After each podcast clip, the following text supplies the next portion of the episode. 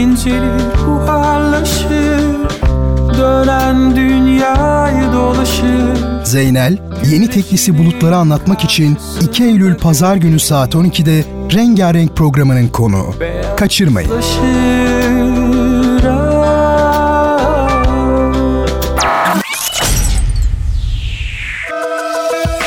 Samsun'un Gerçek Radyosu. Radyo Gerçek. Gerçek.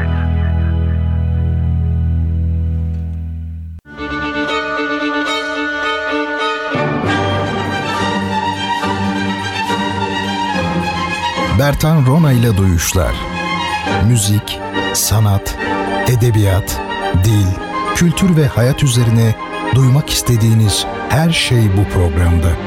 Bertan Rona ile Duyuşlar her cuma 22'de Samsun'un Gerçek Radyosu'nda. Bertan Rona ile Duyuşlar başlıyor. Yine bir cuma gecesi birlikteyiz. Bertan Rona ile Duyuşlar programına hoş geldiniz. Safalar getirdiniz efendim. Sizlerle birlikte e, bu programı yapacak olmanın heyecanını yaşıyorum bu gece ama laf olsun diye değil ben gerçekten yaşıyorum. E, mutluyum yani bir haftadan sonra sizlerle birlikte e, olabildiğim için hepinizin iyi olduğunuzu ümit ediyorum. Umarım e, hayatınızda her şey ya da pek çok şey yolunda gitmiştir. Ee, bu gece tabi zor o söylediğim şey de işte biraz da işte lafın gelişi olan bu aslında. Yani hayatta umarım her şey yolunda gitmiştir falan. Pek de bir şey yolunda gitmiyor. Öyle kolay bir şey değil o. Ee, keşke kolay olsaydı. Şimdi bu hafta yine pek çok şeyden bahsedeceğiz. Bahsetmeye çalışacağız. Ee, bir kısmı sizlerin sorduğunuz sorular olacak ya da istemiş olduğunuz konu başlıkları olacak. Bir kısmı da benim bazı e, notlarımdan ibaret aslında. Yani önümüzdeki hafta duyuşlarda nelerden bahsetsem, e, sevdiğim dostlarımla, arkadaşlarımla neleri paylaşsam beni heyecanlandıran gibi aklıma geldikçe notlar alıyorum. Böyle birer kelimelik bazen birer cümlelik şundan söz et, bundan söz et filan gibi. Ee, işte onlardan da bahsedeceğiz biraz. Bakalım yola çıkalım neler olacak. Önce Bertan Rona e, adı ve soyadı olarak böyle birleşik yazdığınızda hem Twitter'da hem de Instagram'da beni bulabilirsiniz sevgili dinleyenlerim. Bu program e, takipçilerin tabii çoğu biliyor ama bir kere daha söyleyeyim. Instagram'da biraz böyle paralel gidiyoruz Twitter'la.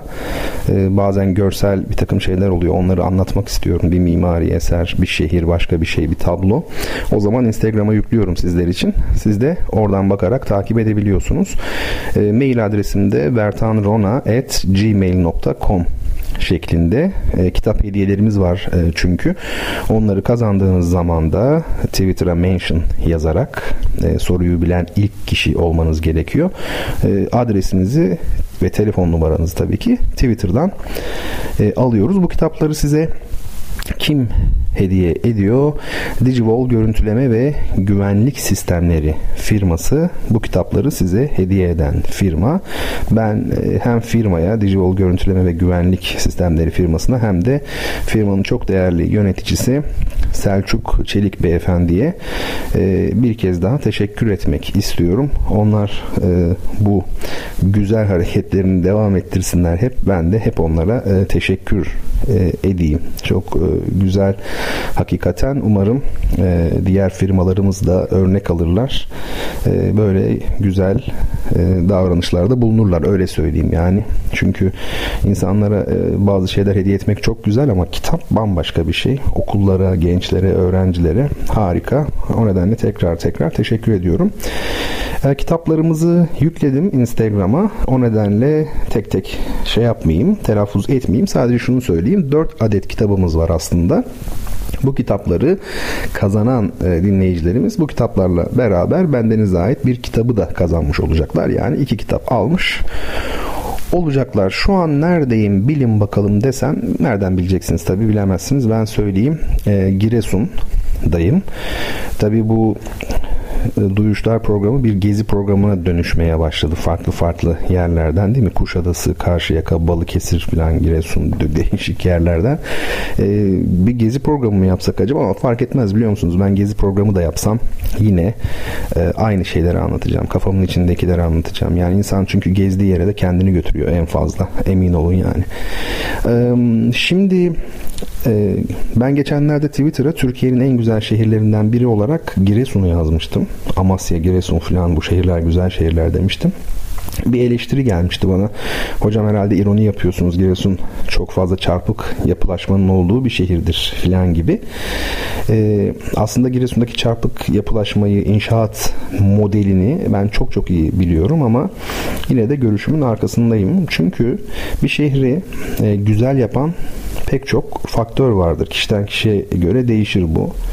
E, tercihlere, beklentilere göre. Mesela diyelim ki işte bir yazar olsun. E, hem yaşantısı hem bazı iş bağlantıları işte diyelim ki imza günleri, fuarlar, kitap fuarları falan gereği e, kuvvetle muhtemel nerede olmalıdır? İstanbul'da olmalıdır. Yani bu gerekir diyebiliriz. Ama emekli olup da kafasını dinlemek isteyen bir başkası için ise çok daha sakin bir sahil kasabasını güzel bulabilir bu kişi. Ya da Ankara'da işte Emek, Emek mahallesini, Emek semtini güzel bulabilir. Benim Giresun'a güzel deme sebebim özellikle tabii topografyasından kaynaklanıyor. Dağların sahilden en fazla 100 metre sonra yükselmesi e, bu dağların da tamamen yeşil e, tepecikler şeklinde görünmesi kareden bakınca bu, bu muhteşem bir manzarası var. Bu e, Trabzon yönündeki e, Giresun adası ki Karadeniz bölgemizdeki tek adamızdır o bizim. Sonra Rum mahallesi, çarşının yapısı ve o çarşıya çıkan sokaklardaki eski Türk ve Rum mimarisi kalıntıları bence e, bu şehri çok güzel kılıyor.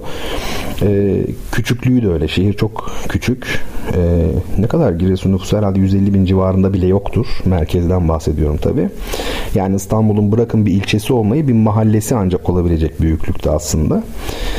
Uzatmayayım işte bütün bunların birleşmesi bence Giresun'u çok özel kılıyor. E, tabii dediğim gibi ben kent merkezini kastediyorum. Yoksa ilçeler söz konusu olduğunda e, bir araştırın bakalım yani Kümbet Yaylası, Kulakkaya Yaylası, Mavi Göl, bunlar neymiş bir bakın derim. Mesela Mavi Göl'e bir bakın. Herkes Uzun Göl'ü bilir ama Mavi Göl'ün rengine bir bakın derim. Giresun Mavi Göl diye yazın internete.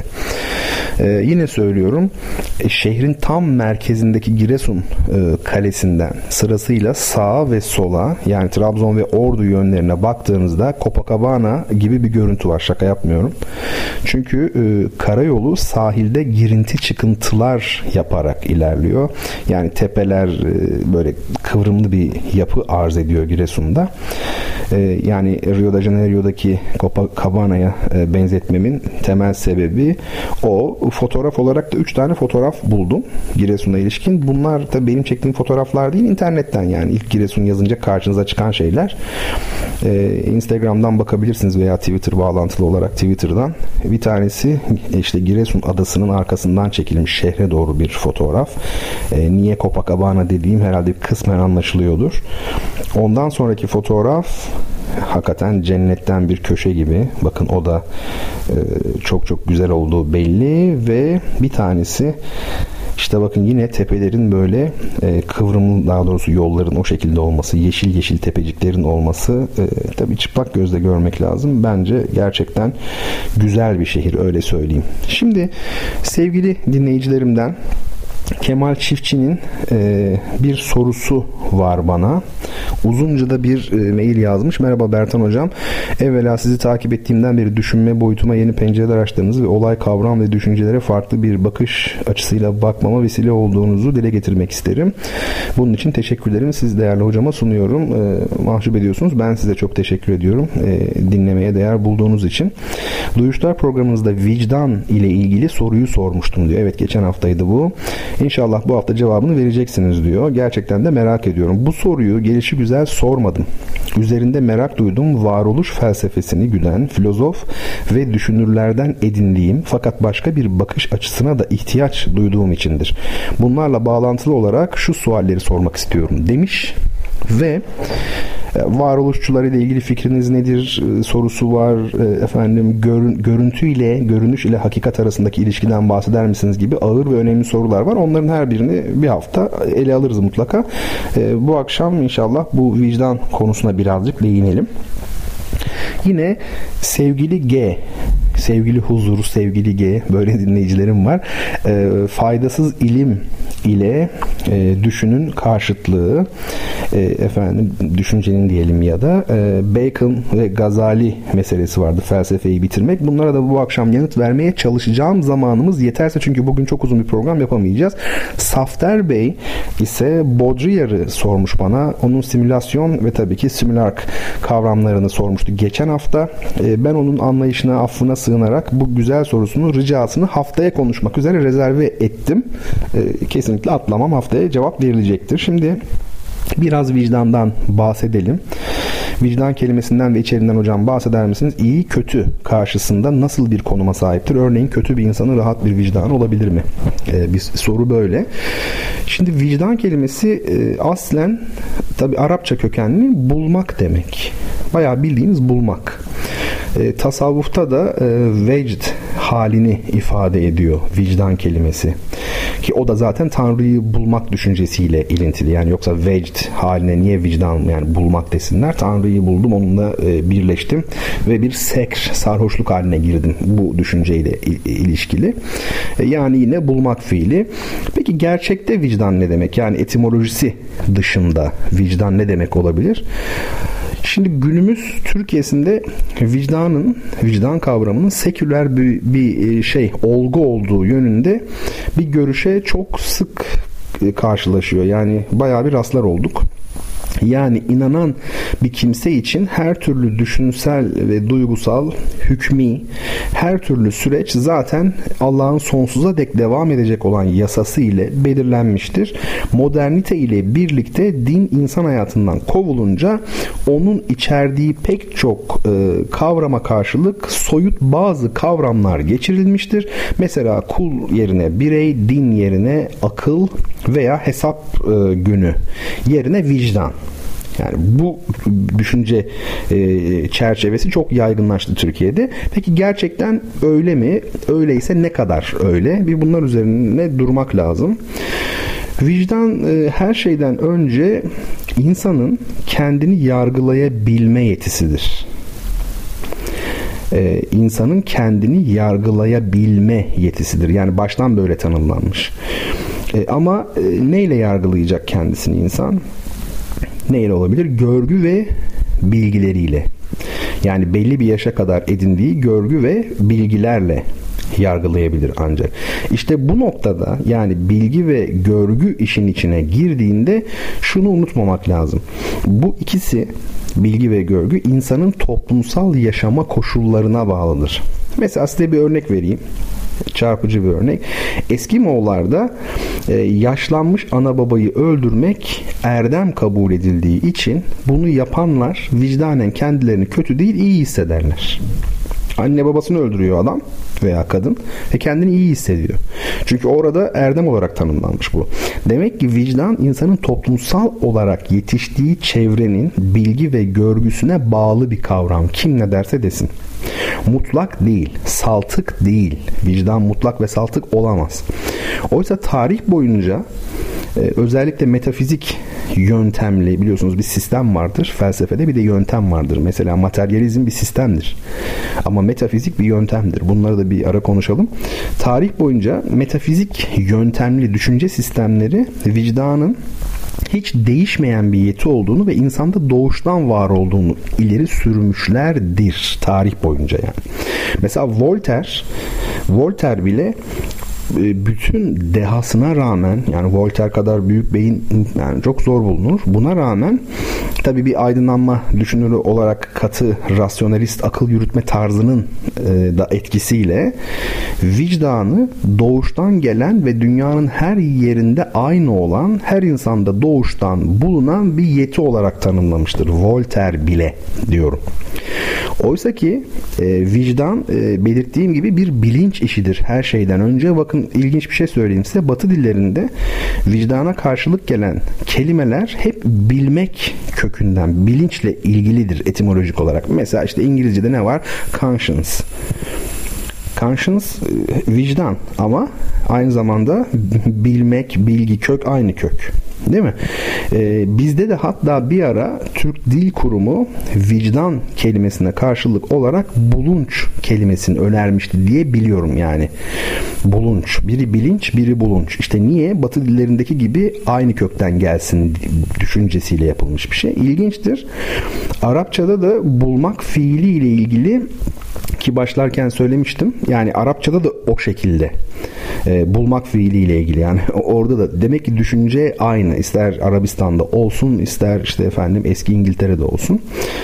Bu arada e, Kant'ta da mesela bu ikisi yani bilinçle vicdan neredeyse bir ve aynı şeydir diyebiliriz. Bir ve aynı şeydir yani bir şey olmayı bırakın aynı. Ee, biliyorsunuz modernite ile birlikte tabi insanlık hayatına pek çok yeni kavram, değer ve ilişki biçimi kattı. Pek çoğunu da hayatından çıkardı. Mesela kendini e, hakikatin bir parçası olarak görmekten vazgeçti ki ben bunu hep söylerim.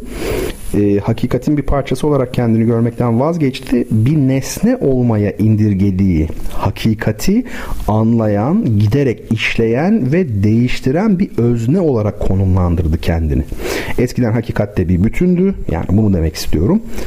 Ama modernite ile birlikte hakikat benim dışımdadır, bir nesnedir. Ben onu anlayan, yerine göre işleyen ve değiştirme gücü olan bir özneyim dedi. Başka ne oldu e, modernite ile birlikte? Mesela yaptıklarından ötürü bir gün Tanrı seni hesaba çekecek diyen dogmalar yani dinler insan hayatından kovulduğu için reformasyonla beraber tabii biz e, Avrupa'yı kastederek konuşuyoruz ağırlıklı olarak. O da ayrı bir sorunsa. Din haya, yani Tanrı seni hesaba çekecek diyen dinler insan hayatından kovulduğu için onun yerine yargılama işini yapacak bir merciye ihtiyaç duyuldu ve deniyor ki bu merci insanı yargılayacak bir güç kalmadığı için artık insanın kendisi olarak tanımlandı. Şimdi bunda haklılık payı yok değil tabi. Ama ben yine de tam olarak katıldığımı söyleyemem.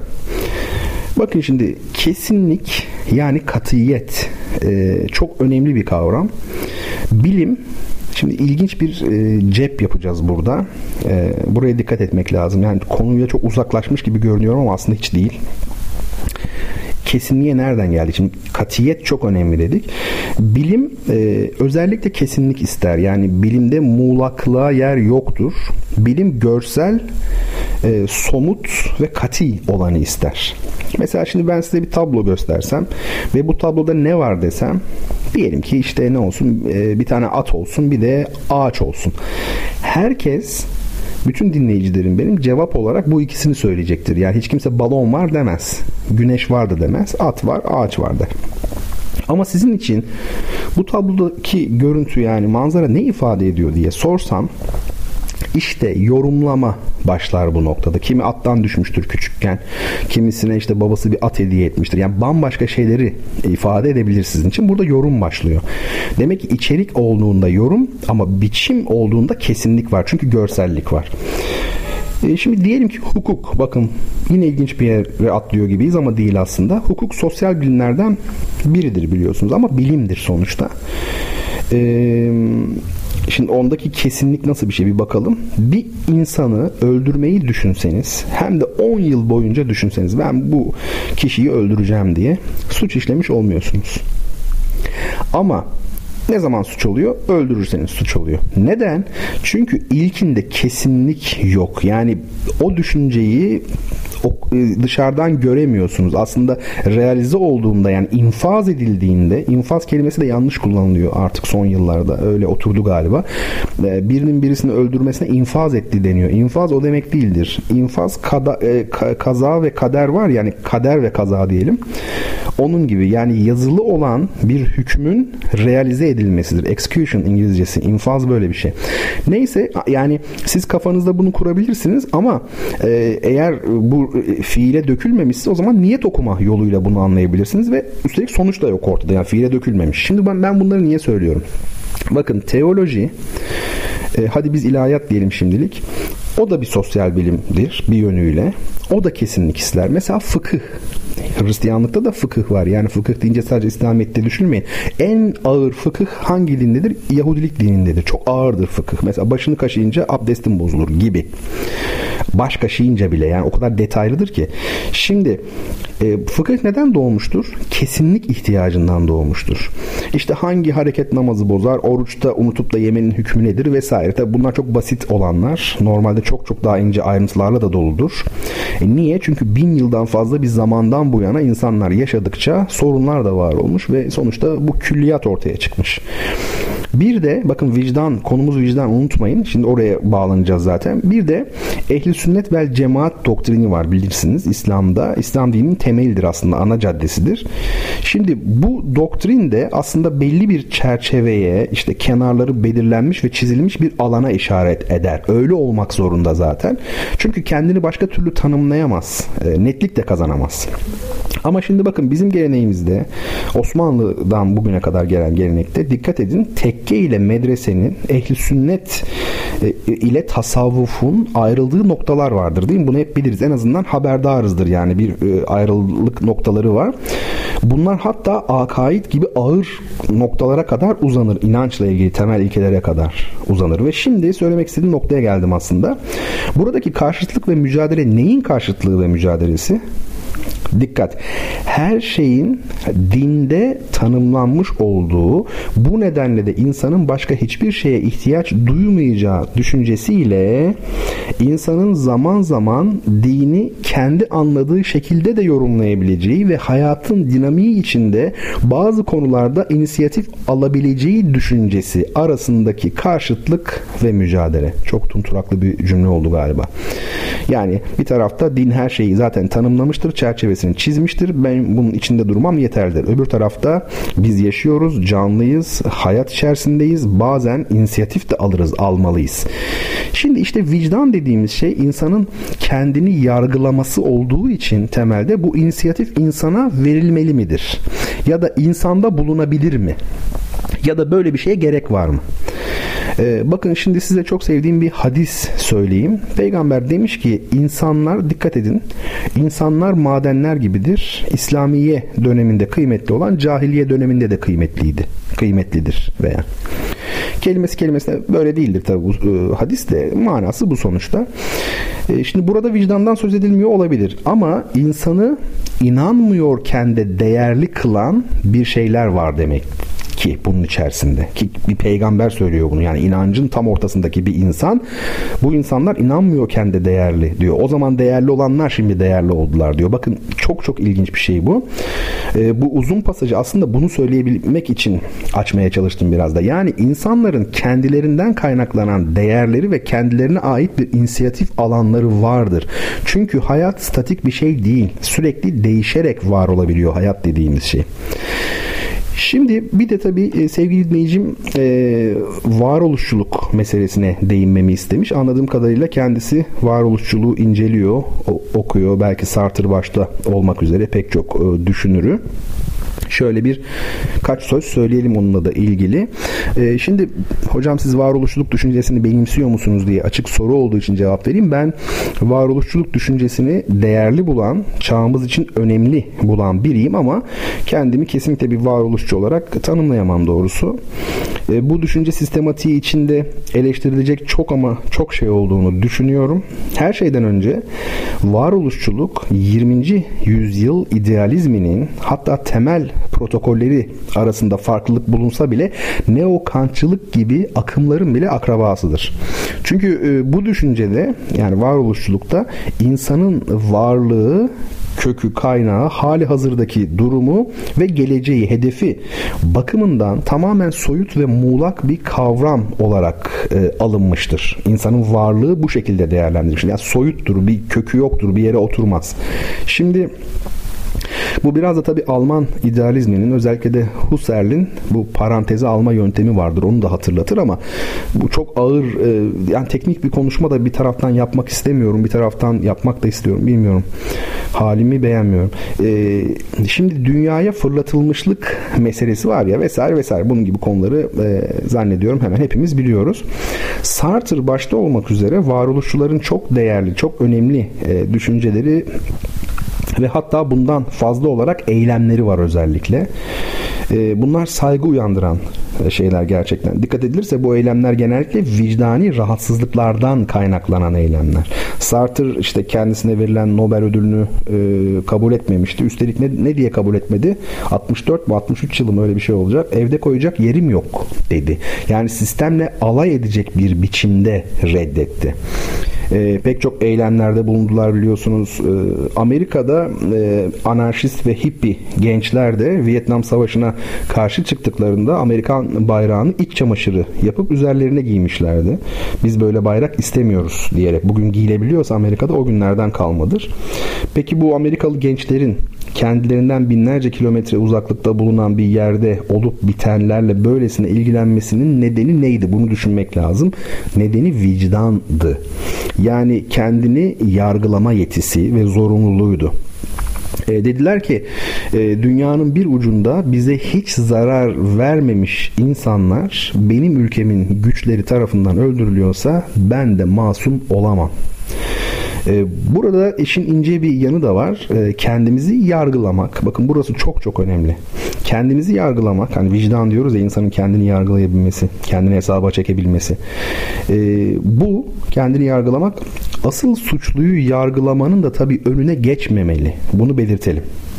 Yani siz eğer şurada olandan ben suçluyum, burada olandan ben suçluyum e, derseniz o konuda gerçek suçlu olanı yargılamanızın önüne geçiyorsa bu o başka bir şey olur artık. Vicdan olmaz bunu belirtelim. E, şimdi Sartre ve arkadaşlarının vicdan ile bu kadar ilgili olmasının bir temel nedeni var bence onu söyleyeyim. O da onların yaşadıkları dönemde Avrupa'da en çok ihtiyaç duyulan şeyin vicdan olmasıydı. Neden? Nedeni aslında çok açık ama Türk yani ortalama bir Türk bunu e, ilk planda aklına getiremez neden olduğunu. Şimdi söyleyeceğim anlaşılacak zaten. Neden? Çünkü 2. Dünya Savaşı yaşanmıştı Avrupa'da. Biz tabii Türkler olarak 2. Dünya Savaşı'nı neredeyse hiç bilmiyoruz. Onun etkilerini yaşamadık. Ee, onun aslında tarihin en önemli birkaç olayından biri olduğundan tamamen habersiziz. İyi ki de öyleyiz. Yani iyi ki de yaşamamışız. O ayrı bir şey tabii. Niye bu kadar önemli? Bir örnek verelim. Avrupa'da şu an yaşanan göreli demokrasinin öyle değil mi yani Avrupa'da kabul edelim bir yani göreli bile olsa bir demokrasi var standartının böyle bu demokrasinin böylesine yerleşmiş olmasının nedenleri arasında 2. Dünya Savaşı önde gelir. Çünkü demokrasi nedir? Bir anlamda yenişememektir. Bir bakarsın ki kimse kimseyi yenecek kadar güçlü değil. O vakit oturup e, konuşmaktan başka çareniz kalmaz. Yani varoluşçuluk düşüncesini sadece felsefi açıdan değil bence toplumsal ve siyasal açıdan da e, değerlendirmek gerekir diye düşünüyorum. Yani dünyaya bakışınızda çözüm önerilerinizde, tekliflerinizde e, eğer sosyoekonomiyi ıskalıyorsanız insanların sosyal toplumsal yaşama koşullarını, kendi maddi hayatlarını üretme biçimlerini ıskalıyorsanız hemen her zaman e, havada kalmaya bu eleştiriler e, şeydir. Siz söyleyin adını e, mahkumdur. Öyle düşünüyorum. Benim düşünceme gelince yani bence vicdan insanın içinde yetişmiş olduğu toplum e, içinde yetişmiş olduğu toplum temelinde edindiği bilgi ve görgünün sonucunda kazanmış olduğu kendini hesaba çekme yetisidir, becerisidir. Ama bu yeti adalet kavramıyla yani yine toplumla ilgilidir. Bir başka deyişle şöyle söyleyelim. Başkası kavramıyla ilgilidir. Başkası diye bir şey var ya benden başkası da var. Ee, ama e, vicdan ahlak ile karıştırılmamalıdır. Bu hata çok yapılıyor. Ahlak ahlak kavramının kendisi zaten bizde çok yanlış anlaşılıyor. Ahlaklı toplum filan diye duyuyorum bazen. E, toplumun ahlakı olmaz. Tanımı gereği olmaz. Yani toplum ve ahlak e, birbiriyle giydirilemeyecek kavramlardır. Ahlak çünkü sadece bireyle ilgili bir kavramdır. E, neyse o da başka bir mesele yani. Sonuç olarak ben diyorum ki vicdan insanın içinde yetişmiş olduğu toplum temelinde edindiği bilgi ve görgünün sonucunda kazandığı kendini yargılama yetisidir. Bunu söyledim zaten. Ama bu başkası kavramıyla irtibat halinde çalışır. Tırnak içinde öteki veya başkası kavramıyla irtibat halinde çalışır. Öyle bir şeydir ki vicdan mesela bir toplumda kanunların suçlu bulduğu bir kişiyi bile suçsuz bulabilir. Buldurabilir insana vicdan. Çünkü e, toplumsal normlar ve hukuk nedir? Cansız ve soğuktur. Biçimsel olan şeyler biraz öyledir. Cansız ve soğuktur. Mesela bir insanı öldürmek suç değil mi? Suç. Ama milyonlarca insanın bir savaşta birbirini öldürmesi yasal olabilir. Legal bir savaştır bu çünkü. ilan savaş ilanı vardır. Ee, hiçbir er, hiçbir asker bundan dolayı ceza alır mı? Almaz. Peki bu yasalara uygunsa neden üzülüyoruz? Yasalara uygun. Yasalar da insanlar için yapılmış durumda. Hiç üzülmememiz gerekir değil mi? Ya biz e, şehitliğinde kendi ülkesine saldırmak üzere gelmiş askerleri barındıran bir milletiz. Anzaklar işte biliyorsunuz Çanakkale'de. Yani şimdi buna üzülmeyelim mi yani mesela değil mi? Başka üzülmesi gereken şeyler var. Mesela bakın sosyal medyada olsun, e, şeyde televizyonlarda filan olsun. E, Türkiye'de siyasal kamplaşmalarda anormal derecede bir nefretin olması, yani kimsenin yani öldükten sonra bile adeta o nefretin devam etmesi aslında işte vicdan kaybına işaret ediyor. Çok ciddi anlamda. Bu, bu çok tehlikeli bir şey. Ne güzel bağlandı konuya. Hakikaten de biraz öyle.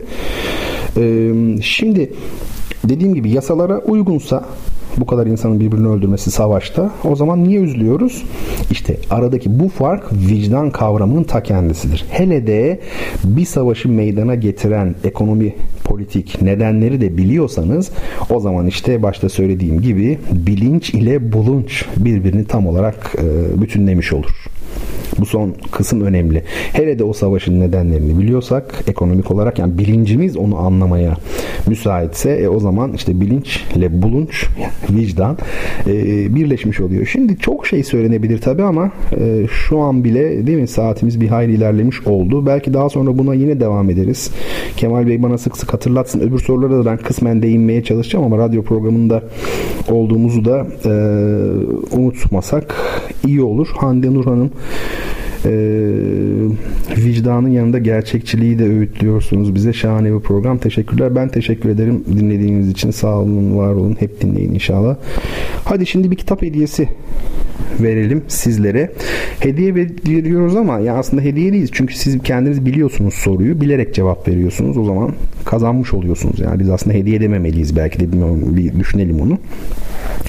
Şimdi soracağım soruyu Twitter üzerinden Bertan Rona hesabına mention olarak ilk yazan kişi, doğru cevabı ilk yazan kişi paylaşmış olduğum fotoğraflarını paylaşmış olduğum kitaplardan kazanacak değil mi? Hekimin filozof hali ve bendenize ait İstanbul koşukları kitabını kazanacak. Soru şöyle. 1958 yılında İstanbul'da doğan yüksek öğrenimini Boğaziçi Üniversitesi İngiliz Dili ve Edebiyatı bölümünde yapan Sylvia Plath üzerine incelemelerde bulunan Küçük İskender, Lale Müldür, Gülseli İnal gibi isimleri derinden etkileyen ve 1987'de henüz 29 yaşındayken intihar eden kadın şairimiz kimdir? Soru bu. Sizler bu sorunun cevabını düşünürken biz de Brahms'tan çok güzel bir müzik dinleyelim. Size çok çok uzun anlatmak isterim Brahms'ı ama zamanımız bu gece biraz bizi zorlayacak gibi kısıtlı. O bakımdan Brahms üzerine e, sonra e, konuşalım. Haftaya olmazsa ben bir not alayım sevgili dostlar. Brahms'ın Opus 117 numara 2 intermezzosunu çok değerli piyanistimiz Emre Şen'in yorumuyla dinliyoruz. Arkasından da tekrar birlikte oluyoruz.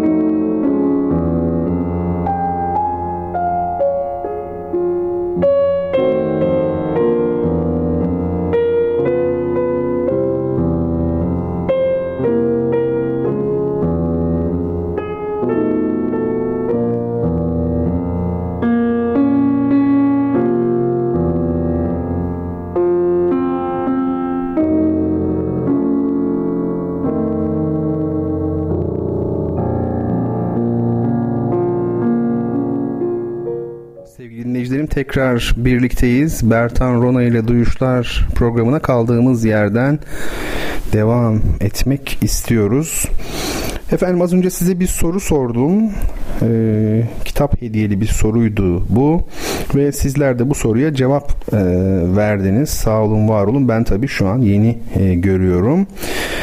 İlk cevabı Büşra Hanım vermiş. Büşra Baştaş. Biz daha önce galiba e, yazıştık kendisiyle. Yanlış hatırlamıyor isem ya da bir telefon bağlantısı mıydı? Değil mi? Tabi cevap veren pek çok dinleyicimiz var. E, Tuğba Hanım var, e, efendim Selçuk Bey var, Mesure Hanım var, Betül Hanım var, Safter Bey var. Epey bir kimse var. Çok mutlu oldum. E, harika.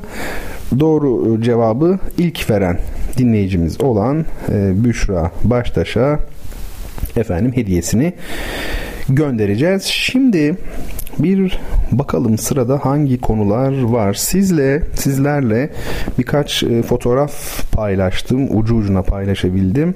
E, bu fotoğraflardan ilki korno. Biraz kornodan bahsedeceğim. Biz enstrümanlara devam ediyoruz biliyorsunuz e, tahta üflemeli çalgıları e, konuştuk. Yani flüt, obua, klarnet ve fagot. Daha sonra da e, neye geçtik?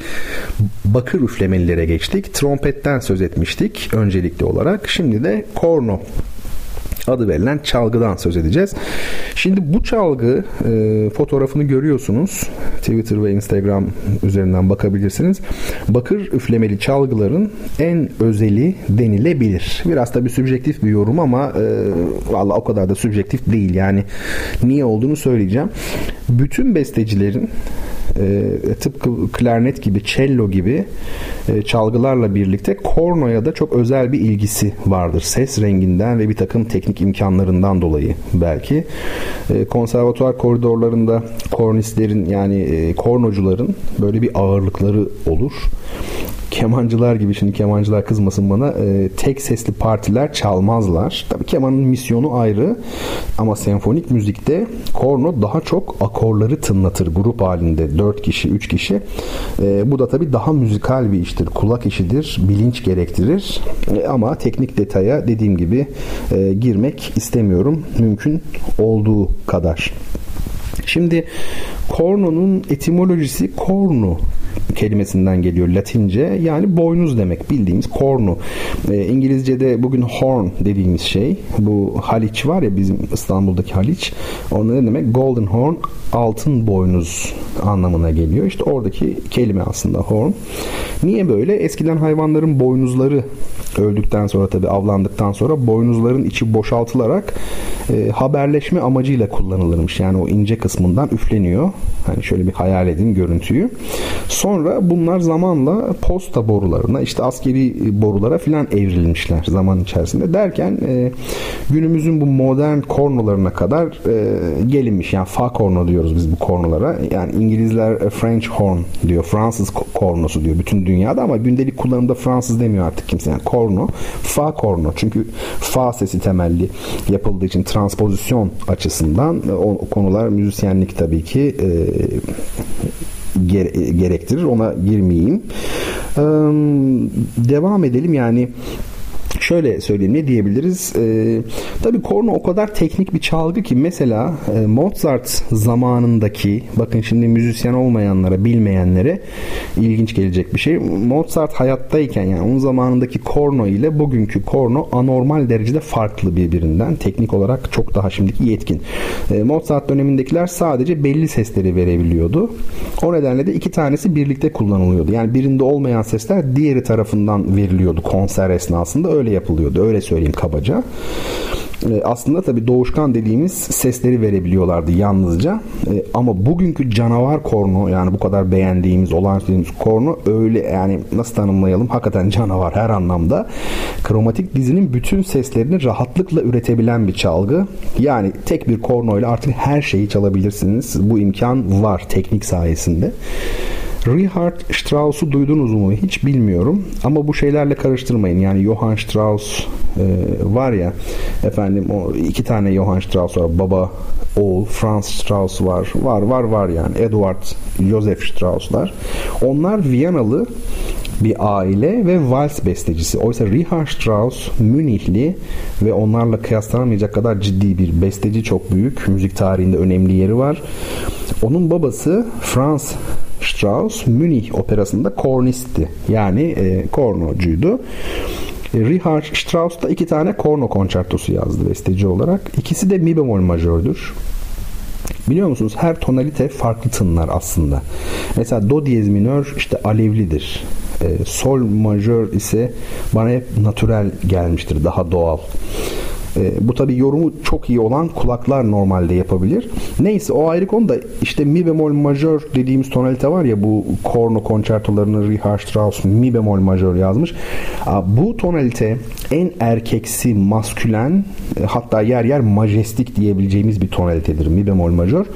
E, Richard Strauss'un iki korno konçertosunun da tonalitesinin mi bemol majör olması tesadüf değil. Bemollü tonlar, bemollü tonaliteler kornoya uyar. Amenna ama onun dışında Richard Strauss'un bir erkeklik takıntısı vardı zaten. Don Juan senfonik şiiri vardır mesela. Bir de nazizm ve her zaman söylüyorum e, kapitalizm erildir. Hele hele nazizm erilliğin e, artık son noktası oluyor. Dolayısıyla mi bemol majör olması tesadüf değil. Richard Strauss'un o, o, bu tonaliteleri seçmesi yani tesadüf değil. Şöyle bir not var. Sevgili Huzur demiş ki e, felsefenin günümüze kadar ve bundan sonra insanlığa vereceği şeyler nelerdir? Evet güzel bir soru. Hakikaten de e, güzel bir soru. Bunu cevaplamaya çalışayım, not alayım bunu da. Selçuk Bey demiş ki benim tweet cevaplar arasında karıştı. Aslında ben hediye kitap yerine ödül kitap diyebiliriz diye öneride bulunmuştum diyor. Harika. Ben şimdi arada geçmişe dönük bütün şeylere evet ödül kitap diyebiliriz hocam diyor. Bir soru işareti koymuş. Neden olmasın hediye yerine ödül. Hakikaten öyle yani. Ödül elde edilir e, sanatçı hani vardır ya sanatçıya ödül verirler falan. Ben hep bunu çok komik bulmuşumdur. Sanatçı topluma ödül verir zaten insanlığa eseriyle. Sanatçıya neyin ödülünü veriyorsunuz ama belki şey için onore etmek için, desteklemek için falan olabilir yani. O da ayrı bir tartışmanın konusu. Peki şimdi korno meselesi de böyle. Özellikle bu enstrümanları tanıttıktan sonra şey yapmıyorum. Yani onları içeren bir müzik dinletmiyorum size. Yani merak ederseniz eğer onu zaten siz YouTube'dan horn ya da korno Türkçe yazın o sesi duyarsınız. Mesela Richard Strauss korno konçertosu. Çok rahat duyabilirsiniz. Hadi gelin şimdi ikinci soruyu sorayım. Biraz tempo kazandıralım programa. İkinci sorum çok çok çok kısa. Herhalde program tarihinin en kısa sorusu. Avrupa'da Ha, bu arada bu biraz şey gibi de değil galiba. Ee, Google sorusu gibi değil yani biraz cevabı zor bulunabilir. Avrupa'da kraliyeti olmayan iki ülkeden birini yazınız öyle söyleyeyim. Kraliyeti olmayan iki ülke var Avrupa'da.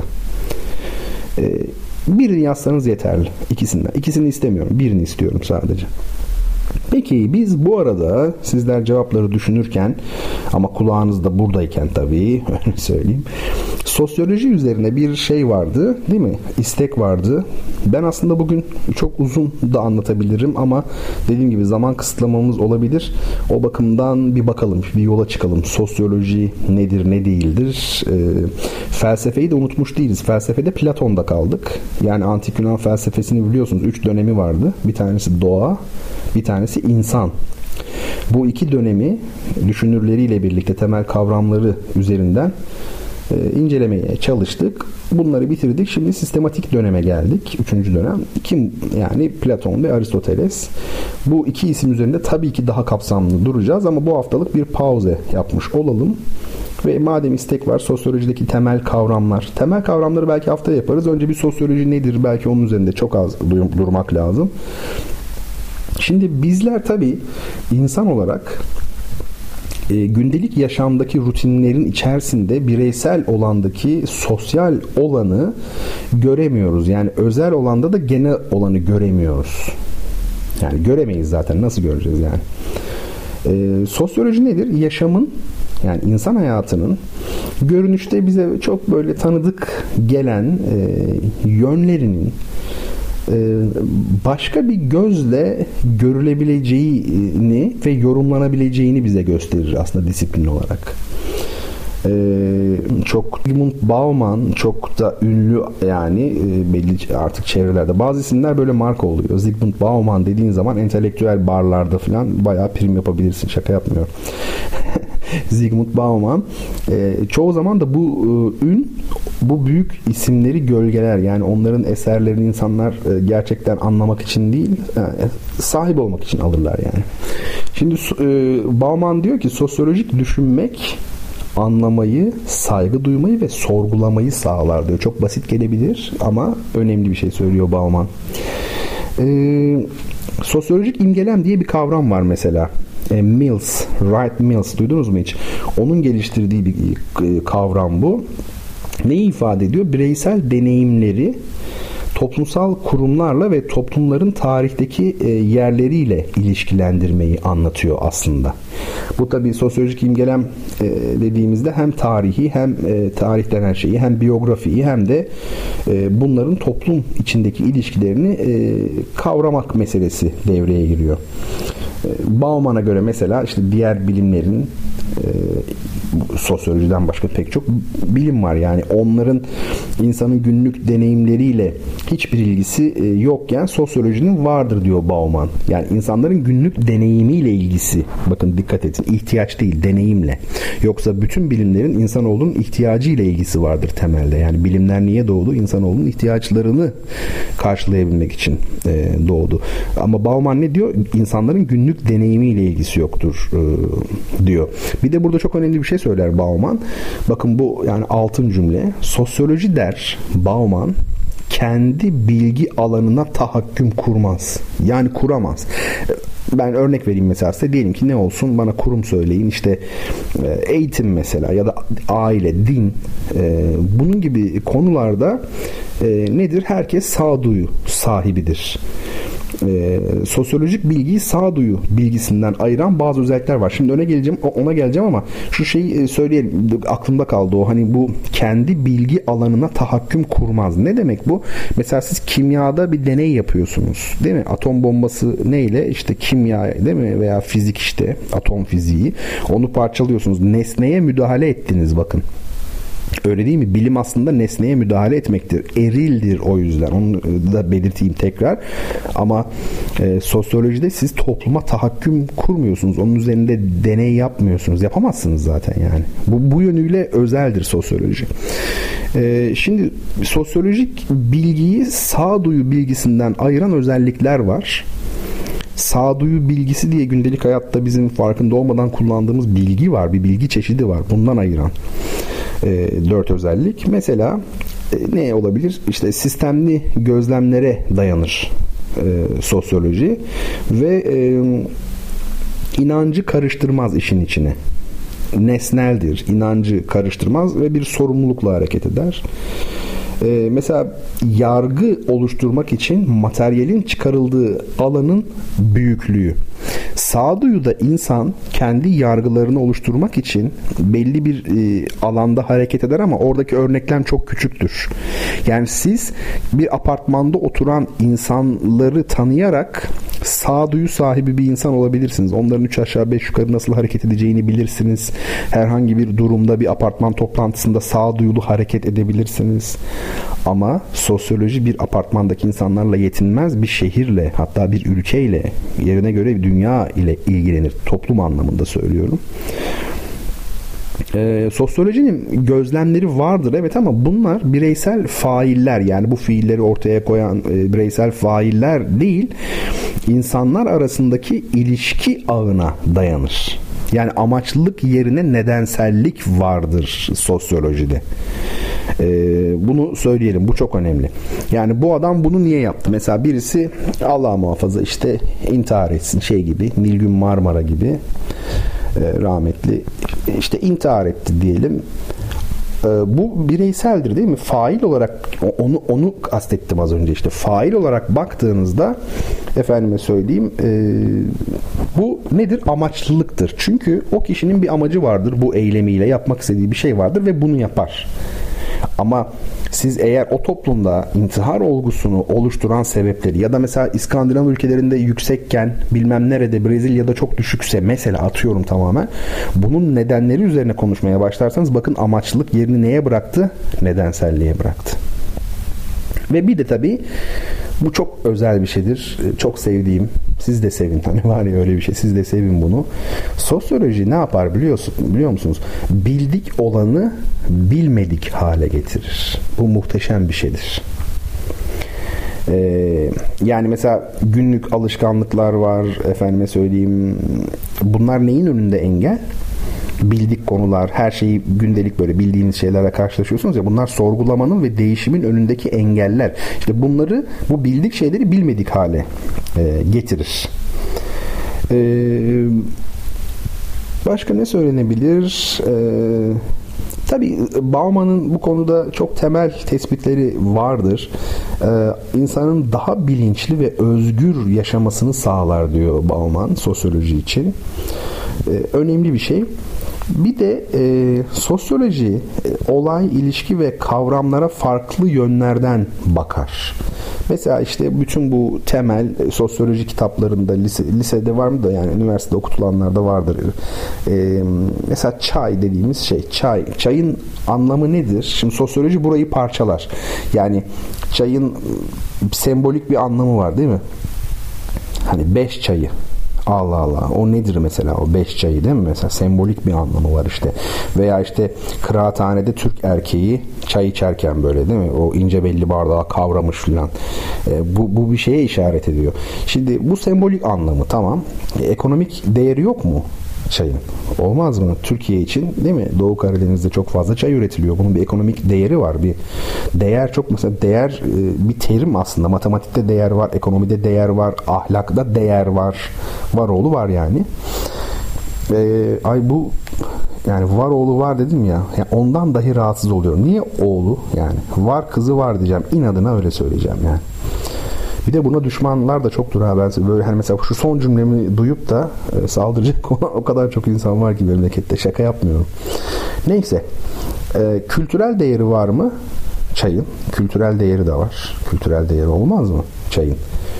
E, Türk kültürü mesela diyoruz değil mi? Mesela dünyada işte reklamlar yapılıyor şu bu. Ve e, bir de tarihsel değeri var çayın tarihsel yönü var. Ona baktığımız zaman da mesela anakronizm yapılmıştı. Ben hatırlıyorum bir saraydan kız kaçırma eseri yapılmıştı Mozart. Saraydan kız kaçırma biliyorsunuz.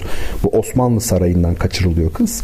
Hani Mozart belirtmemiş onu yani e, libretist daha doğrusu açıkça belirtmiyor. Bu Topkapı Sarayı mı Kahire'deki Mısır'daki bir Osmanlı sarayı mı? Ama Osmanlı olduğu kesin. O onu biliyoruz. Selim Paşa var. Bir de Osman var. Osmin diye yazmış Mozart. Şimdi orada mesela bir rejisör yanlış hatırlamıyorsam e, Türkiye'ye burası çay koymuştu. Çay içiyorlar yine ama tarih çok eski yani. Yani çay içebilecekleri bir zaman değil. Çünkü çayın Türkiye'deki geçmişi belki 100 yıldan fazla değildir yani 100-150 yıl. 150 var mı emin değilim ama kahve öyle değil. Kahve Kanuni Sultan Süleyman döneminden sonra yayılmaya başlıyor yavaş yavaş. Böyle ya bu sosyolojiyle ilgili biraz belki dağınık konuştum ama e, bu sosyolojideki kavramlar çok önemli. Temel kavramlar. Yani onlar üzerinde dururuz tabii ki. Şimdi ben size bir de kitap tanıtmak istiyordum ama e, Platero ile Ben bu kitabın adı. Benim çocukluğumun kitaplarındandır. E, Juan Ramon Jimenez. Bu ünlü İspanyol şair. 1881-1958 yılları arasında yaşamış. Aslen şair ama e, bu romanıyla dünyada çok tanınıyor. E, bu Platero ile benim e, Türkçe çevirisi Akşit Göktürk tarafından yapılan çeviri. Bu 1969'da Türk Dil Kurumu çeviri ödülüne değer görülmüş. Ünlü bir e, çeviri. Ee, bu sizle paylaştığım resimlerde bugün işte Yapı Kredi yayınlarından e, çıkan kitabın bugünkü hali var. Bir de benim kitaplığımda da bulunan eski hali var. O eski basımı. Çeviri aynı çeviri. Gökşit e, Akşit tarafından yapılmış. Akşit Göktürk özür dilerim başka bir şey var ya, ya siz söyleyin. Çok benzer bir ekonomistimiz var eskilerden. Onunla karıştırdım. E, dolayısıyla e, yani kapak sizi yanıltmasın. Aynı çeviri ve ödül almış bir çeviri. Olan olağanüstü bir kitap. Yani hani şeker portakalı vardır ya biraz o kıvamda ama daha farklı. Ee, size bir pasaj okuyayım Platero ile benden. Şöyle diyor. Merak edin iyice. Platero biliyorsunuz değil mi bu um, bir adam ve onun eşeği. Platero ee, biz şey gibi yani Nasrettin Hoca ile eşeği gibi düşünelim. Platero küçücük, tüylü, ipek gibi. Dokununca öyle yumuşak ki bütünüyle pamuktandır dersiniz. Hiç kemiği yok sanki. Yalnız gözlerinin kara parıltısı iki koyu pırlanta böcek sertliğinde.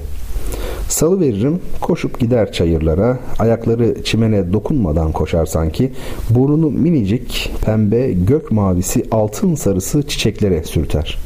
Usulca seslenirim, Platero.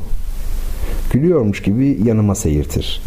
Verdiğim her şeyi yer. Mandalinayı, kehribar sarısı üzümleri, dibinde balı ışıyan mor incirleri sever.'' Küçük bir oğlan gibi, bir kız gibi, incecik, sevimli ama bir taş gibi güçlü, kas katı. Pazar günleri üzerine binip kasabanın kıyısındaki dar yollardan geçtiğim zaman köylerden gelme temiz giyimli, ağır yürüyüşlü adamlar ona bakmak için duraklarlar. Çelikten sanki. Evet, çelikten. Çelikle cıvadan. Ha, çok sert yani imge dolu başladı değil mi? Böyle masalsı bir şekilde başladı. Yüzyıllık yalnızlık vardır ya Garcia'nın o da bu şekilde başlar.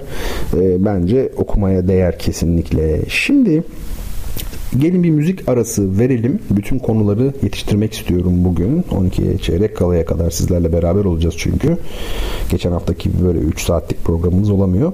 Ee, bu e, müzik ne biliyor musunuz? Bizim çok değerli bir kemancımız var. Uluslararası başarılar kazanmış Türk e, kemancımız. Tuncay Yılmaz. Kendisini canlı olarak da dinlemiştim uzun yıllar önce. E, Tuncay Yılmaz seslendirecek. E, Chrysler adlı bir besteci var ama hem kemancı hem besteci. Liebeslied diye e, bu aşk e, şarkısı diyelim. E, Chrysler'in kendi kompozisyonu. Chrysler'le ilgili tek bir şey söyleyeyim. E, 100 yıl öncesinin çok büyük kemancısı ama çok büyük gerçekten. Bir de e, çok ilginç bir kişiliği varmış. Bir ara konserlerde bazı eserler çalmış. Bu 5 yıl, 10 yıl, 20 yıl devam eden bir süreç. Bu eserler hiç duyulmadık eserlermiş ve bunları kendisi bir müzikolog gibi yani işte bunları bulduğunu, araştırdığını, e, bunların barok dönem çok eski bir takım kompozitörlere ait olduğunu filan söylemiş. İşin garip tarafı müzik dünyası da buna inanmış yani koskoca Chrysler yani araştırdım diyor filanca bestecinin diyor falan filan. Bir süre sonra ise bu bestelerin Chrysler'in kendisine ait olduğu ortaya çıkmış. Yanlış hatırlamıyorsam buna benzer bir hikayesi var. ilginç biri. Şimdi güzelce Aşk şarkısını Tuncay Yılmaz'ın yorumuyla dinleyelim. Ondan sonra duyuşlara kaldığımız yerden devam edeceğiz.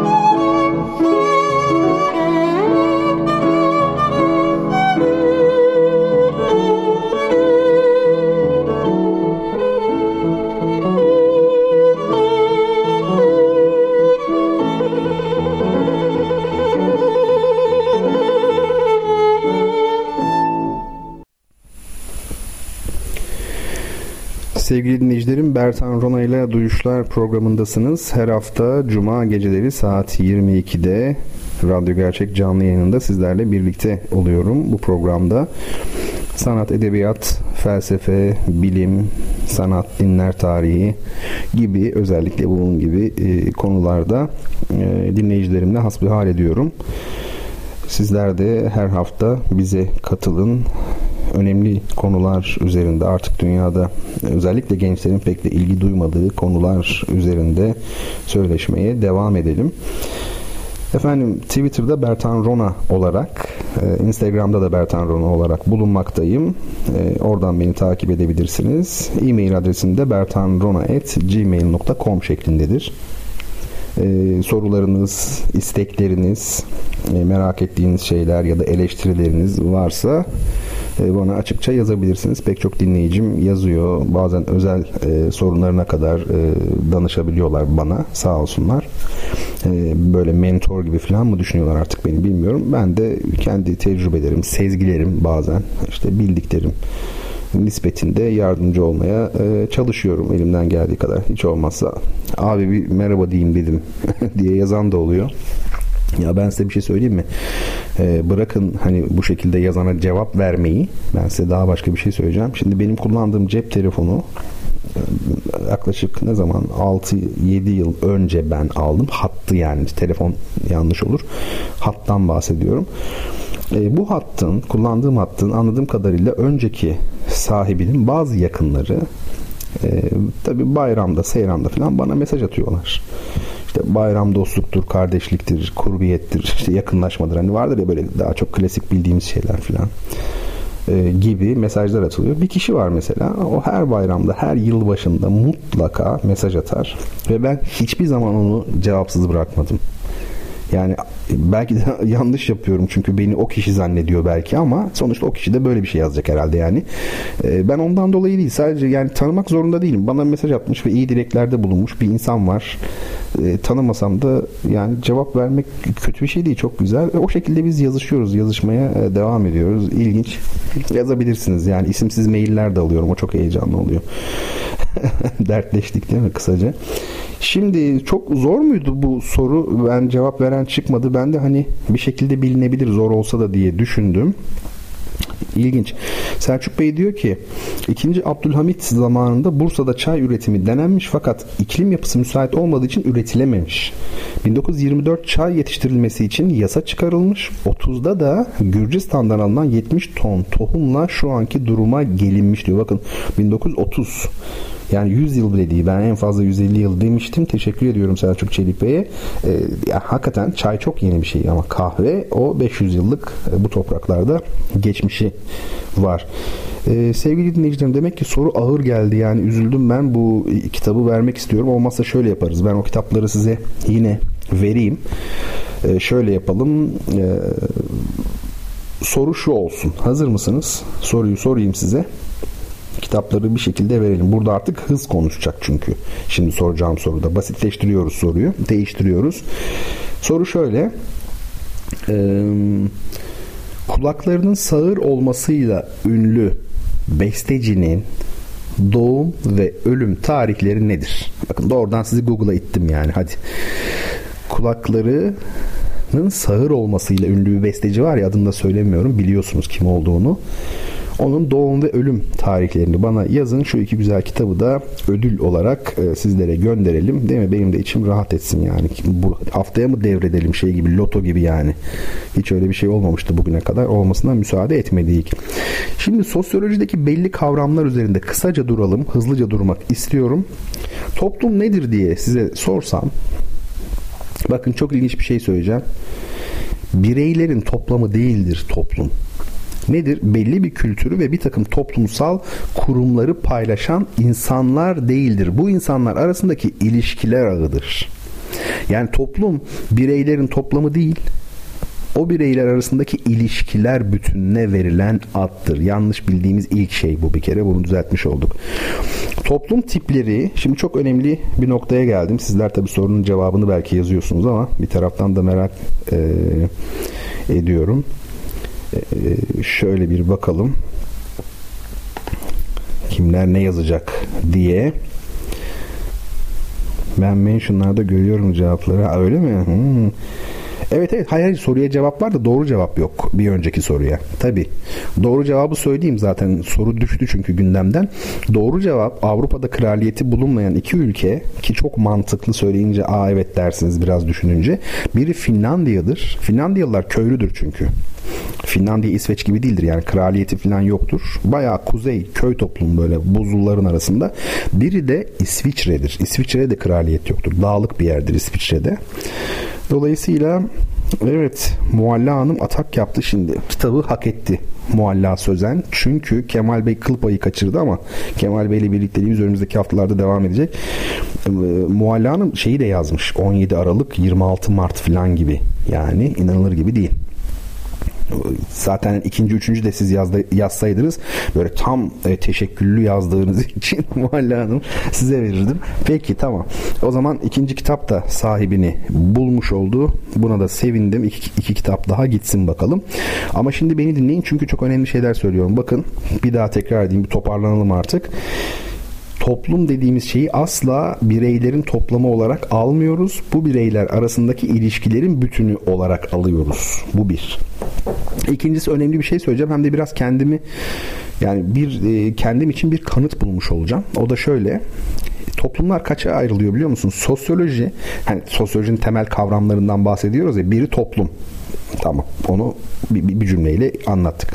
İki, toplum tipleri. Şimdi toplum tipleri deyince sosyoloji genelde şöyle ayırıyor. E, geleneksel toplumlar ne demek bu? Modernite öncesi toplumlar yani. Ve iki de modern toplumlar. Yani bütün toplumları bu iki, ikiye bu şekilde ayırıyor. Hani ben böyle iki lafımdan biri, iki sözümden biri sanki modernite ve modernizmmiş gibi hissetmeye başlamıştım bir ara kendimi. Kırılma, kırılma, kırılma diyorum ya. Yani 1500'lerde belki yaşanan büyük kırılma. İşte e, Rönesans yani bu bu tarih değişir yani bu aslında belki de 300 400 500 600 yıllık bir süreçtir. Çünkü ekonomik anlamda burjuvazinin e, iktidarı ele geçirmesiyle 1789'da siyasal anlamda ele geçirmesi arasında çok zaman var. Ama e, kabaca Rönesans dönemi dersek işte büyük bir kırılma. Demek ki bakın sosyoloji de böyle tanımlıyormuş. Bu önemli bir şey.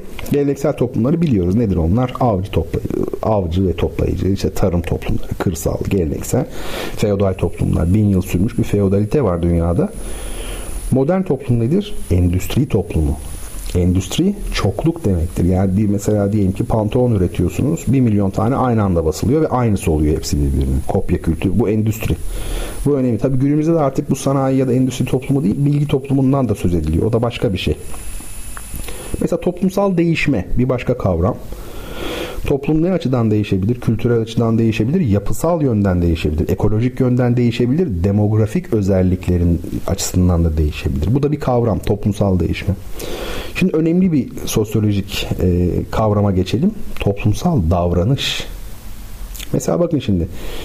E, bir davranış e, yani her davranış toplumsal davranış değildir. Bir davranışın toplumsal davranış olabilmesi için bir başkasının mazide halen ve istikbalde yaptığı, yapacağı bir davranışa yönelik olması gerekir. Yani bir başka kişinin geçmişte, şu an ve gelecekte e, yaptığı, yapacağı bir davranışa yönelik olarak hareket ediyorsanız siz toplumsal davranışa girmişsinizdir.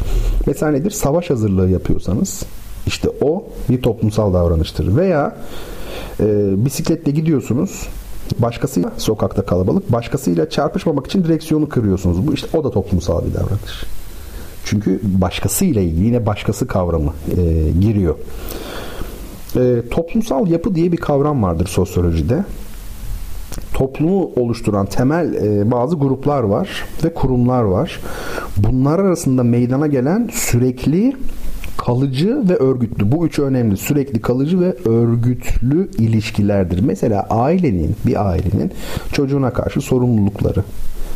Hem sorumluluğu var ama bir de neyi var? Bir de otoritesi var mesela değil mi? İşte bunun gibi şeyler. E, toplumsal kurum biliyorsunuz toplumsal kurum aile bir kurumdur. Ekonomi bu ailenin bir kurum olması hatta evliliğin bir kurum olması deyince aklıma direkt şey böyle tınlıyor böyle gözümün önüne geliyor. Sabah magazin programında veya işte ne kadın programının evlilik mi bir şey diyorlar. O, o programlarda eski mankenin bir eski manken gelmiş. Evlilik çok ciddi bir kurum falan müessese. Allah'ım yani evlilik ve müessese değil mi? Hep bir arada. Ee, peki yani çok şey var. Ee, başka şeyler de var. Yani bütün zamanımızı buna e, şey yapmayalım. E, hasretmeyelim. Ama şu var. Toplumsal olgu mesela ne kadar güzel bir kavram. Nedir toplumsal olgu? Olay değil bakın olgu başka bir şey. Bireyin dışında bulunan ve e, sahip oldukları zorlama gücüyle yani bu yaptırım ve zorlama gücüyle kendilerini bireye kabul ettiren bir takım davranış ve düşünme biçimleridir. Hatta hissetme biçimleridir. Ee, bunlar aslında sosyolojinin temel konusu biliyor musunuz? Toplumsal olgu yani dayatıyor kendini. Mesela gelir adaletsizliği. Hadi bakalım. Toplumsal olgudur işte gelir adaletsizliği. Bu ne yapıyor? Bireye kendini kabul ettiriyor gücü sayesinde. Yani bir insan ben gelir adaletsizliğinden e, bağışığım, buna karşı bağışığım diyebilir mi? Ya da mesela kadınlar siyaseten az temsil ediliyor diyelim. Demeyelim. Yani Türkiye'de zaten öyle de yani dünya genelinde de öyle. E, bu mesela kadınlar bundan e, ari olabilir mi yani? Bir kadın ben bundan etkilenmiyorum. Kadınlar az temsil edilmiyor diye. İşte az temsil ediliyorsun kardeşim. Yani sen bunu istesen de işte yap güç buradan kaynaklanıyor zaten. Mesela toplumsal e, statü diye bir şey var. Bakın o da bir şey e, statü yani daha doğrusu kısaca söyleyelim. Bu da bir sosyolojik kavram aslında diğer insanların yani başka insanların e, bir bireyin toplum içindeki yerine verdikleri addır. Yalnız başkasının verdiği ad olacak. Kendi verdiğiniz ad değil. Siz kendinizi başka görebilirsiniz. Çünkü hepimiz öyle değil miyiz zaten? Yani e, şöyle söyleyeyim. Siz kendinizi nasıl görüyorsanız bilin ki anneniz de sizi öyle görüyor. Çok acı bir şey söylüyorum ama yani siz kendinizi ben dedim ben, yani siz derken ben kendimi de katıyorum. Hep hep beraber yani. Mesela hepimizin kendimizle ilgili bir takım düşünceleri var. İşte o düşüncelerin gerçekle arasındaki mesafe var ya. İşte bizde o çok açık, kendimizde o çok açık. Annemizde de çok açık. Annemiz de bizi öyle görüyor çünkü. çünkü annemiz. Ama emin olun bu iki kişiden başka dünyada öyle gören yok. Yani çoğu kişi bizi gerçekten olduğu gibi görüyor. Ama bazıları da olduğumuzun altında görüyor. Yani çok da haksızlık etmeyelim sevgili dinleyicilerim değil mi yani? Ee, statü böyle bir şey yani başkalarının size verdiği olmuş olacak. Ee, bir toplum içindeki yerinize verdikleri ad var. Edinilmiş statüler var hatırladığım kadarıyla yani bunlar tabii sosyoloji konuları da ee, bir sürü şey var şimdi onlara girmeyeceğim. Toplumsal rol, değer, normlar, yaptırımlar, toplumsallaşma uh var oğlu var yani pek çok e, kavram var. Bunları da yarım yamalak yaptık da şöyle yapalım. Bir kısmından da haftaya bahsedeyim. Çünkü ben bunları satır satır not almıştım böyle başlık halde toplumsal değer, toplumsal rol diye. Hani bunların her birini aç, anlat şeklinde. Çünkü bir taraftan da gözüm saatte e, son bölümde de yapacağımız şeyler var. Ben soruyu sorayım şimdi. Yeni sorumuzu. ikinci kitabımızı da gönderdik Mualla Hanım'a. Soru şöyle üçüncü kitap için. Önce müzikle ilgili bir şey söyleyeyim. Bu birazdan dinleyeceğiniz müzik orkestra şefi Erol Erdinç var. Ee, bizim hem orkestra şefimiz iyi de bir caz piyanisti kendisi. Ben de bir gün hocamla odasında oturuyorduk İzmir Devlet Konservatuarı'nda. Ben dışarı çıkmaya bir şey aldım. Yani dışarı çıktım bir şey almak için. Geri bir döndüm. Baktım Erol Hoca var. Ankara'dan gelmiş. O da Hacettepe'de çünkü hocaydı. Sonra bize biraz çalmıştı piyano başında. Burası Muş'tur, yolu yokuştur var ya. Erol Erdinç kendi CD'sinde solo piyano çaldığı CD'de e, o parçayı yorumlamış. Üzerine çeşitlemeler yazmış. Burası huştur. Hani orijinal huşmuş ya bunun aslı. E, o şekilde almış. Bunu e, söyleyeyim. Sonra detayını konuşuruz. Sorumu da sorayım. Böbrek üstü bezinin kabuk kısmından salgılanan ilaç olarak kullanıldığında bağışıklık sistemini baskılayarak çalışan pek çok hastalığın tedavisinde kullanılabilen ve önemli yan etkilere neden olan ünlü hormonun adı nedir? Müziğimizi dinleyelim, arkasından kaldığımız yerden devam edelim.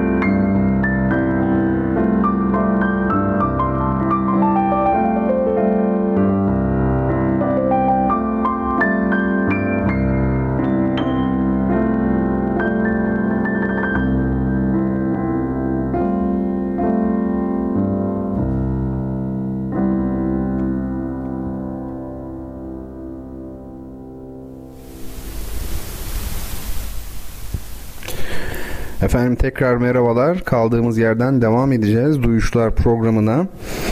Şimdi size bir soru sormuştum ben. Değil mi? Soru nasıldı bir hatırlayalım soruyu.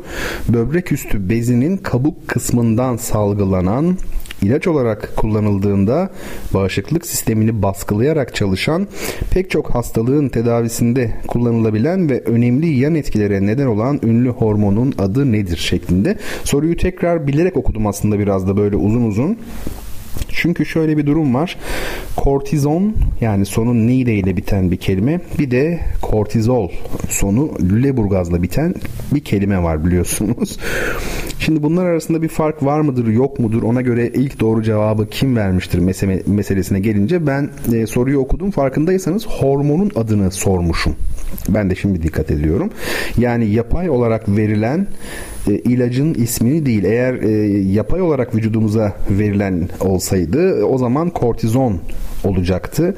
Fakat bu doğal bizim vücudumuzun bedenimizin daha doğrusu ürettiği hormon ise ki öyle ben onu soruyorum. O da kortizol sonu L ile bitiyor. Umarım yanlış bilmiyorumdur. Varsa aramızda tababet ilmiyle uğraşan ya da bir biyolog e, o zaman bize doğruyu söyleyebilir. Ama Hande Nur Batur hanımefendi e, doğru cevabı ilk yazan kişi olduğu için efendim rica ediyorum kendisinden e, Büşra Hanım'dan da aynı şekilde rica ediyorum. E, Mualla Hanım'ın adresi var. Çünkü o çok sık kitap kazanan dinleyicilerimizden biri. Ne güzel yani hiç adres göndermesine gerek olmuyor. E, bertanrona.gmail.com adresine eğer gönderebilirseniz telefon numaranızla birlikte çünkü kargoda sorun olabiliyor efendim. Hemen kitaplarınızı arkadaşlarımız e, gönderirler. Şimdi bu meseleyi de halletmiş olduk. Ee, birkaç konu var aklımda. Sorumuz da var tabii ki yine. O soruyu da ben soracağım size. Ama şu Brahms konusu aklımda kaldı. Ee, onu bir tamamlamak isterim. Bir de zamanımız da bir hayli az kaldı. Brahms'ı hadi e, haftaya mı yapsak yoksa sosyolojiyle ilgili birkaç konu daha mı söylesem acaba diye düşünüyorum şimdiden e, konuştukça. İçimden bir ses nedense mantıksız ama ben sezgilerime çok güvenirim ve hep söylüyorum ya aslında akıl bizim e, gerçeklikle bu dünyayla kurduğumuz ilişkinin sadece bir boyutu. Elbette çok önemli ama e, bir fetiş haline getirmemek gerekiyor. İnsan e, sezgileriyle ve inançlarıyla da insandır. Bu önemli bir şey. Brahms'tan kısaca söz edeyim size. Brahms e, ne kadar büyük bir bestecidir. Hani ilk dinlediğiniz müzik vardı ya solo piyano. O Brahms idi. O nedenle söylüyorum.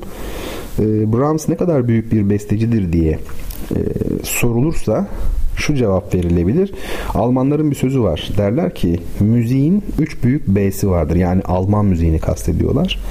Üç büyük B'si vardır. Kim onlar? Bach, Beethoven ve Brahms. Kim onlar deyince aklıma şey geldi. Neydi adamcağızın ismi ya? Yalçın Küçük müydü? Hani kalpakla falan çıkıyordu. Yalçın Küçük bir gün televizyonda şöyle diyordu. E, reklamlarda sarı saçlı mavi gözlü çocuklar var. Kim bunlar? Nereden geldiler? Aynen böyle hani psikopata bağlamak derler ya kim bunlar nereden geldiler hani şey yani biz işte işgale uğrayacağız sürekli. E, e, hakikaten de doğruluk payı var yani dikkat edin böyle bütün reklamlarda hani şeyler var ya sarı saçlı mavi gözlü çocuklar var artık da şey kısmı çok güzel. Kim bunlar? Nereden geldiler diyor. Öyle ya bu topraklara biraz uzak olması lazım bu insanlar diyor. O geldi aklıma şimdi yani böyle bir şey. Alman müziğin üç büyük beysinden biri. Ben size böyle Brahms'la ilgili müzikolojik ve tarihsel e, yorumları, bilgileri bir kenara bırakarak doğrudan dedikoduya geçmek istiyorum. O da şöyle, e, Clara Schumann ile olan aşkını biliyor musunuz? İnanılmaz bir aşktır. İnanılmaz olması bu aşkta e, fiziksel bir şey olmamasındandır. Yani şöyle, Brahms gençliğinde bir piyano sonatı yazmıştı. Büyük bir sonat ve e, Schumann'a bu sonatı çalmak istedi çaldı da ve o gün Schumann'ın yanında tesadüfen yine Schumann gibi büyük üstadlar vardı. Schumann'la e, Brahms arasında 23 yaş fark var. Schumann büyük öyle düşünün. Biri 43, biri 20 gibi. Zaten 20 yaşındaydı aşağı yukarı Brahms sonatını çalmaya geldiğinde. Ve e, parça bittiğinde Schumann kafasını çevirip yanındaki büyük üstadlara şöyle dedi. Şapkanızı çıkarın beyler. Karşınızda bir dahi var. Bu ünlü sözüdür Schumann'ın Brahms'la ilgili söylediği. Yani 20 yaşındaki Brahms'ı görmüş, anlamış yani nasıl bir adam besteci olacağını. Ee, ve çok sık gidip gelmeye başlıyor. Brahms tabii ki Schumann'la bir belki abi kardeş bir hoca öğrenci bilemiyorum ilişkileri de var. Biri biliyorsunuz Hamburgludur Brahms. Schumann ne taraflıdır? Düsseldorf. Yani yakın da sayılabilir, uzak da sayılabilir. Clara Schumann ise e, ilginçtir. Brahms'a yakın bir yaşta yani Robert Schumann'la arasında yaş farkı çok 19 yaş diyebiliyorum. Zaman içerisinde birbirlerine aşık olduklarını biz biliyoruz. Ve Schumann akıl hastanesinde öldü. Çok ağır bir rahatsızlık geçirdi ve son iki yılında tamamen bir zihinsel karanlık içindeydi ve Clara Schumann ve Robert, e, Brahms, Johannes Brahms birlikte çok defalar ziyarete gittiler. Ve bu insanlar birbirlerine aşıklar ancak Robert Schumann'a duydukları saygıdan dolayı e, biz bu insanların e, arasında bir cinsel birliktelik olmadığını biliyoruz. Bu biliniyor yani şaka yapmıyorum. Müzikolojik e, araştırmalar pek çok kitap yazılmış yani onların hayatı üzerine. Bazen o dönemde biliyorsunuz mektup çok yaygın. Her gün mektup yazılıyor mesela sadece bir saat buna zaman ayrılıyor. Gün gün saat saat kimin ne yaptığını biliyoruz. Bu, bu derece. Bu tabi konuşmuş muyduk hiç? Bir şövalye aşkı diye bir şey var. Orta çağda çok yüceltilen bir kavram bu. Yani bugün de mesela köylerde olsun, doğuda olsun Doğu toplumlarında e, olsun genel olarak vardır ya hani aşıkların beklemesi, kendilerini feda etmesi yani aşırı derecede bir yüceltme, realiteden neredeyse kopuk e, bir yüceltme. E, bu o dönem işte aslında siz bakmayın Orta Çağ 1800'lerde anca bitiyordu ki bazı düşünürler Huizinga mesela Orta Çağ'ın aslında 1800'lerde bittiğini söyler. Mesela Wagner'in Tristan und Isolde adlı operasının prelüdünde yani uvertüründe inanılmaz bir gün batımı duygusu vardır. Yani bir şeylerin bitmesi duygusu. Bu 1800'lerde zirvedeydi. Gerçekten de kültürel anlamda orta çağ bitiyordu belki de. Yani ekonomik anlamda olmasa bile kendimizi Brahms'la Clara'nın yerine koyalım. Bu kadar aşıksınız, seviyorsunuz. Ee, ama dediğim gibi bu ilişkiyi hep böyle bir seviyede tutuyorsunuz. Ama birliktesiniz yani geziyorsunuz, konuşuyorsunuz. Ha, bu tabi bugün kimler yapabilir böyle bir şeyi? Sanırım her baba yiğidin harcı değil. Ee, vesaire vesaire yani uzun uzun uzun konular. Ben şimdi son soruyu sordum mu bu arada? O kadar çok konu var ki önümde şu an notlarım var yani. Bir kısmını yani şöyle söyleyeyim. Bu notlarla haftaya da bir program yaparız biz yani. Yeni hiçbir şey yazmadan ama ben öyle yapamıyorum. Çünkü canlı olması lazım. Yaşayan bir şey olması lazım. O gün sokakta yürürken bir şey görmeliyim, size anlatmalıyım falan. Bakmayın yani ben son aylarda böyle sokağa dair bir şey anlatmayıp çok teorik konuşuyorsam bu benim e, yaşamadığımı gösterir yani. Samimi söylüyorum. Yani yaşayabilmeliyim. Bir gözlem yapmalıyım. Onu anlatmalıyım size. Yerine göre bir fıkra olur falan. Program ne kadar şey oldu değil mi? Böyle kurulaşmaya mı başladı? Bana mı öyle geliyor? Bilmiyorum. Aşırı entelektüelite iyi bir şey değil. Ki yani burada da öyle bir entelektüel olacak da bir şeyler anlatmıyoruz yani. O anlamda söylemiyorum da ne bileyim. Onu da frenliyorum. Çünkü yani o zaman program şey olur. Çok çok çok çok az insana hitap eder. Biraz da e, iyi vakitte geçirmeliyiz yani. Peki Hüseyin Demir, sevgili Hüseyin Demir programımızın ilk günden itibaren e, takipçilerinden, dinleyenlerinden müdavim ne güzel bir kelime değil mi? Devam eden. E, Hüseyin Demir ve bir kitap borcumuz var idi. İmiş ben onu tesadüfen gördüm.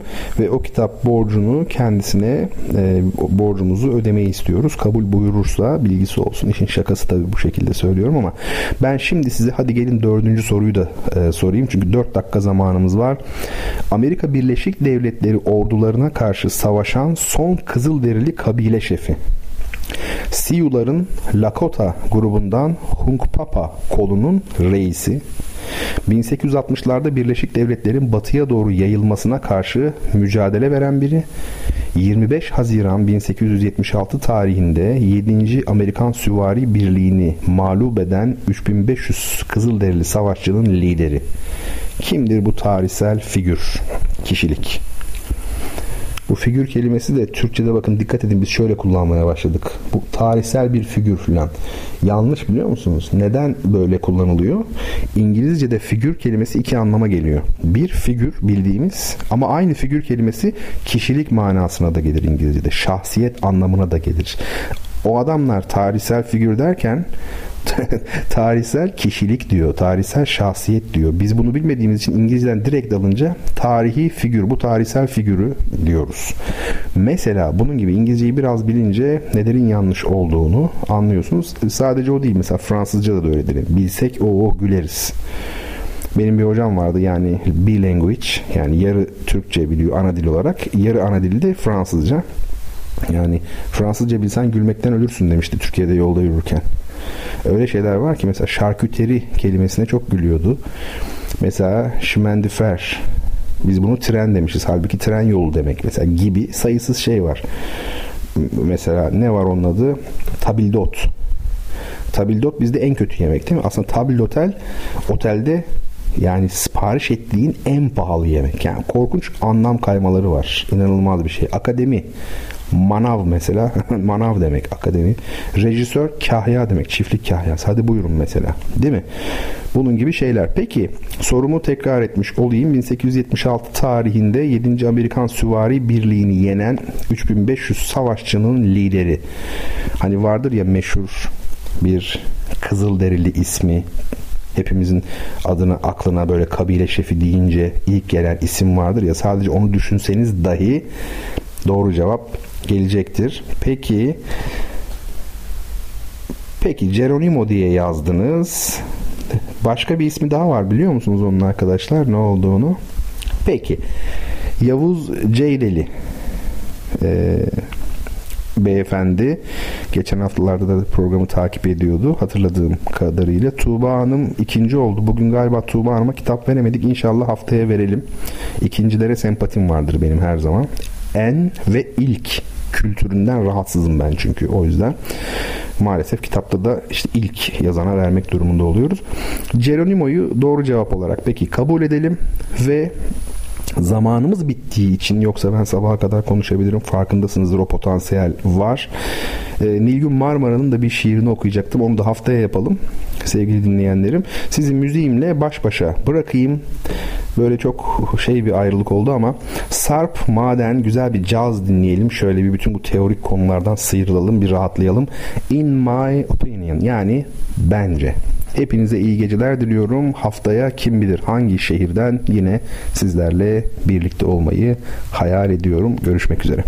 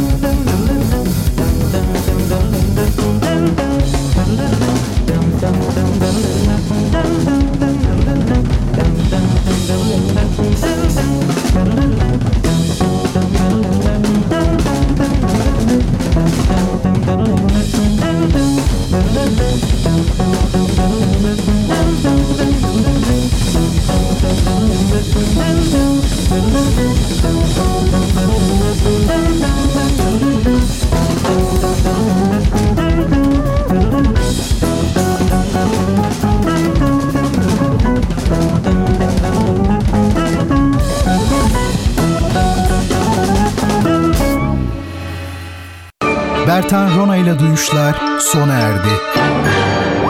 Bu program hakkındaki düşüncelerinizi dinleyen et radyogercek.com adresine mail atarak bize ulaştırabilirsiniz. Dinlemiş olduğunuz programda ürün yerleştirme yapılmıştır.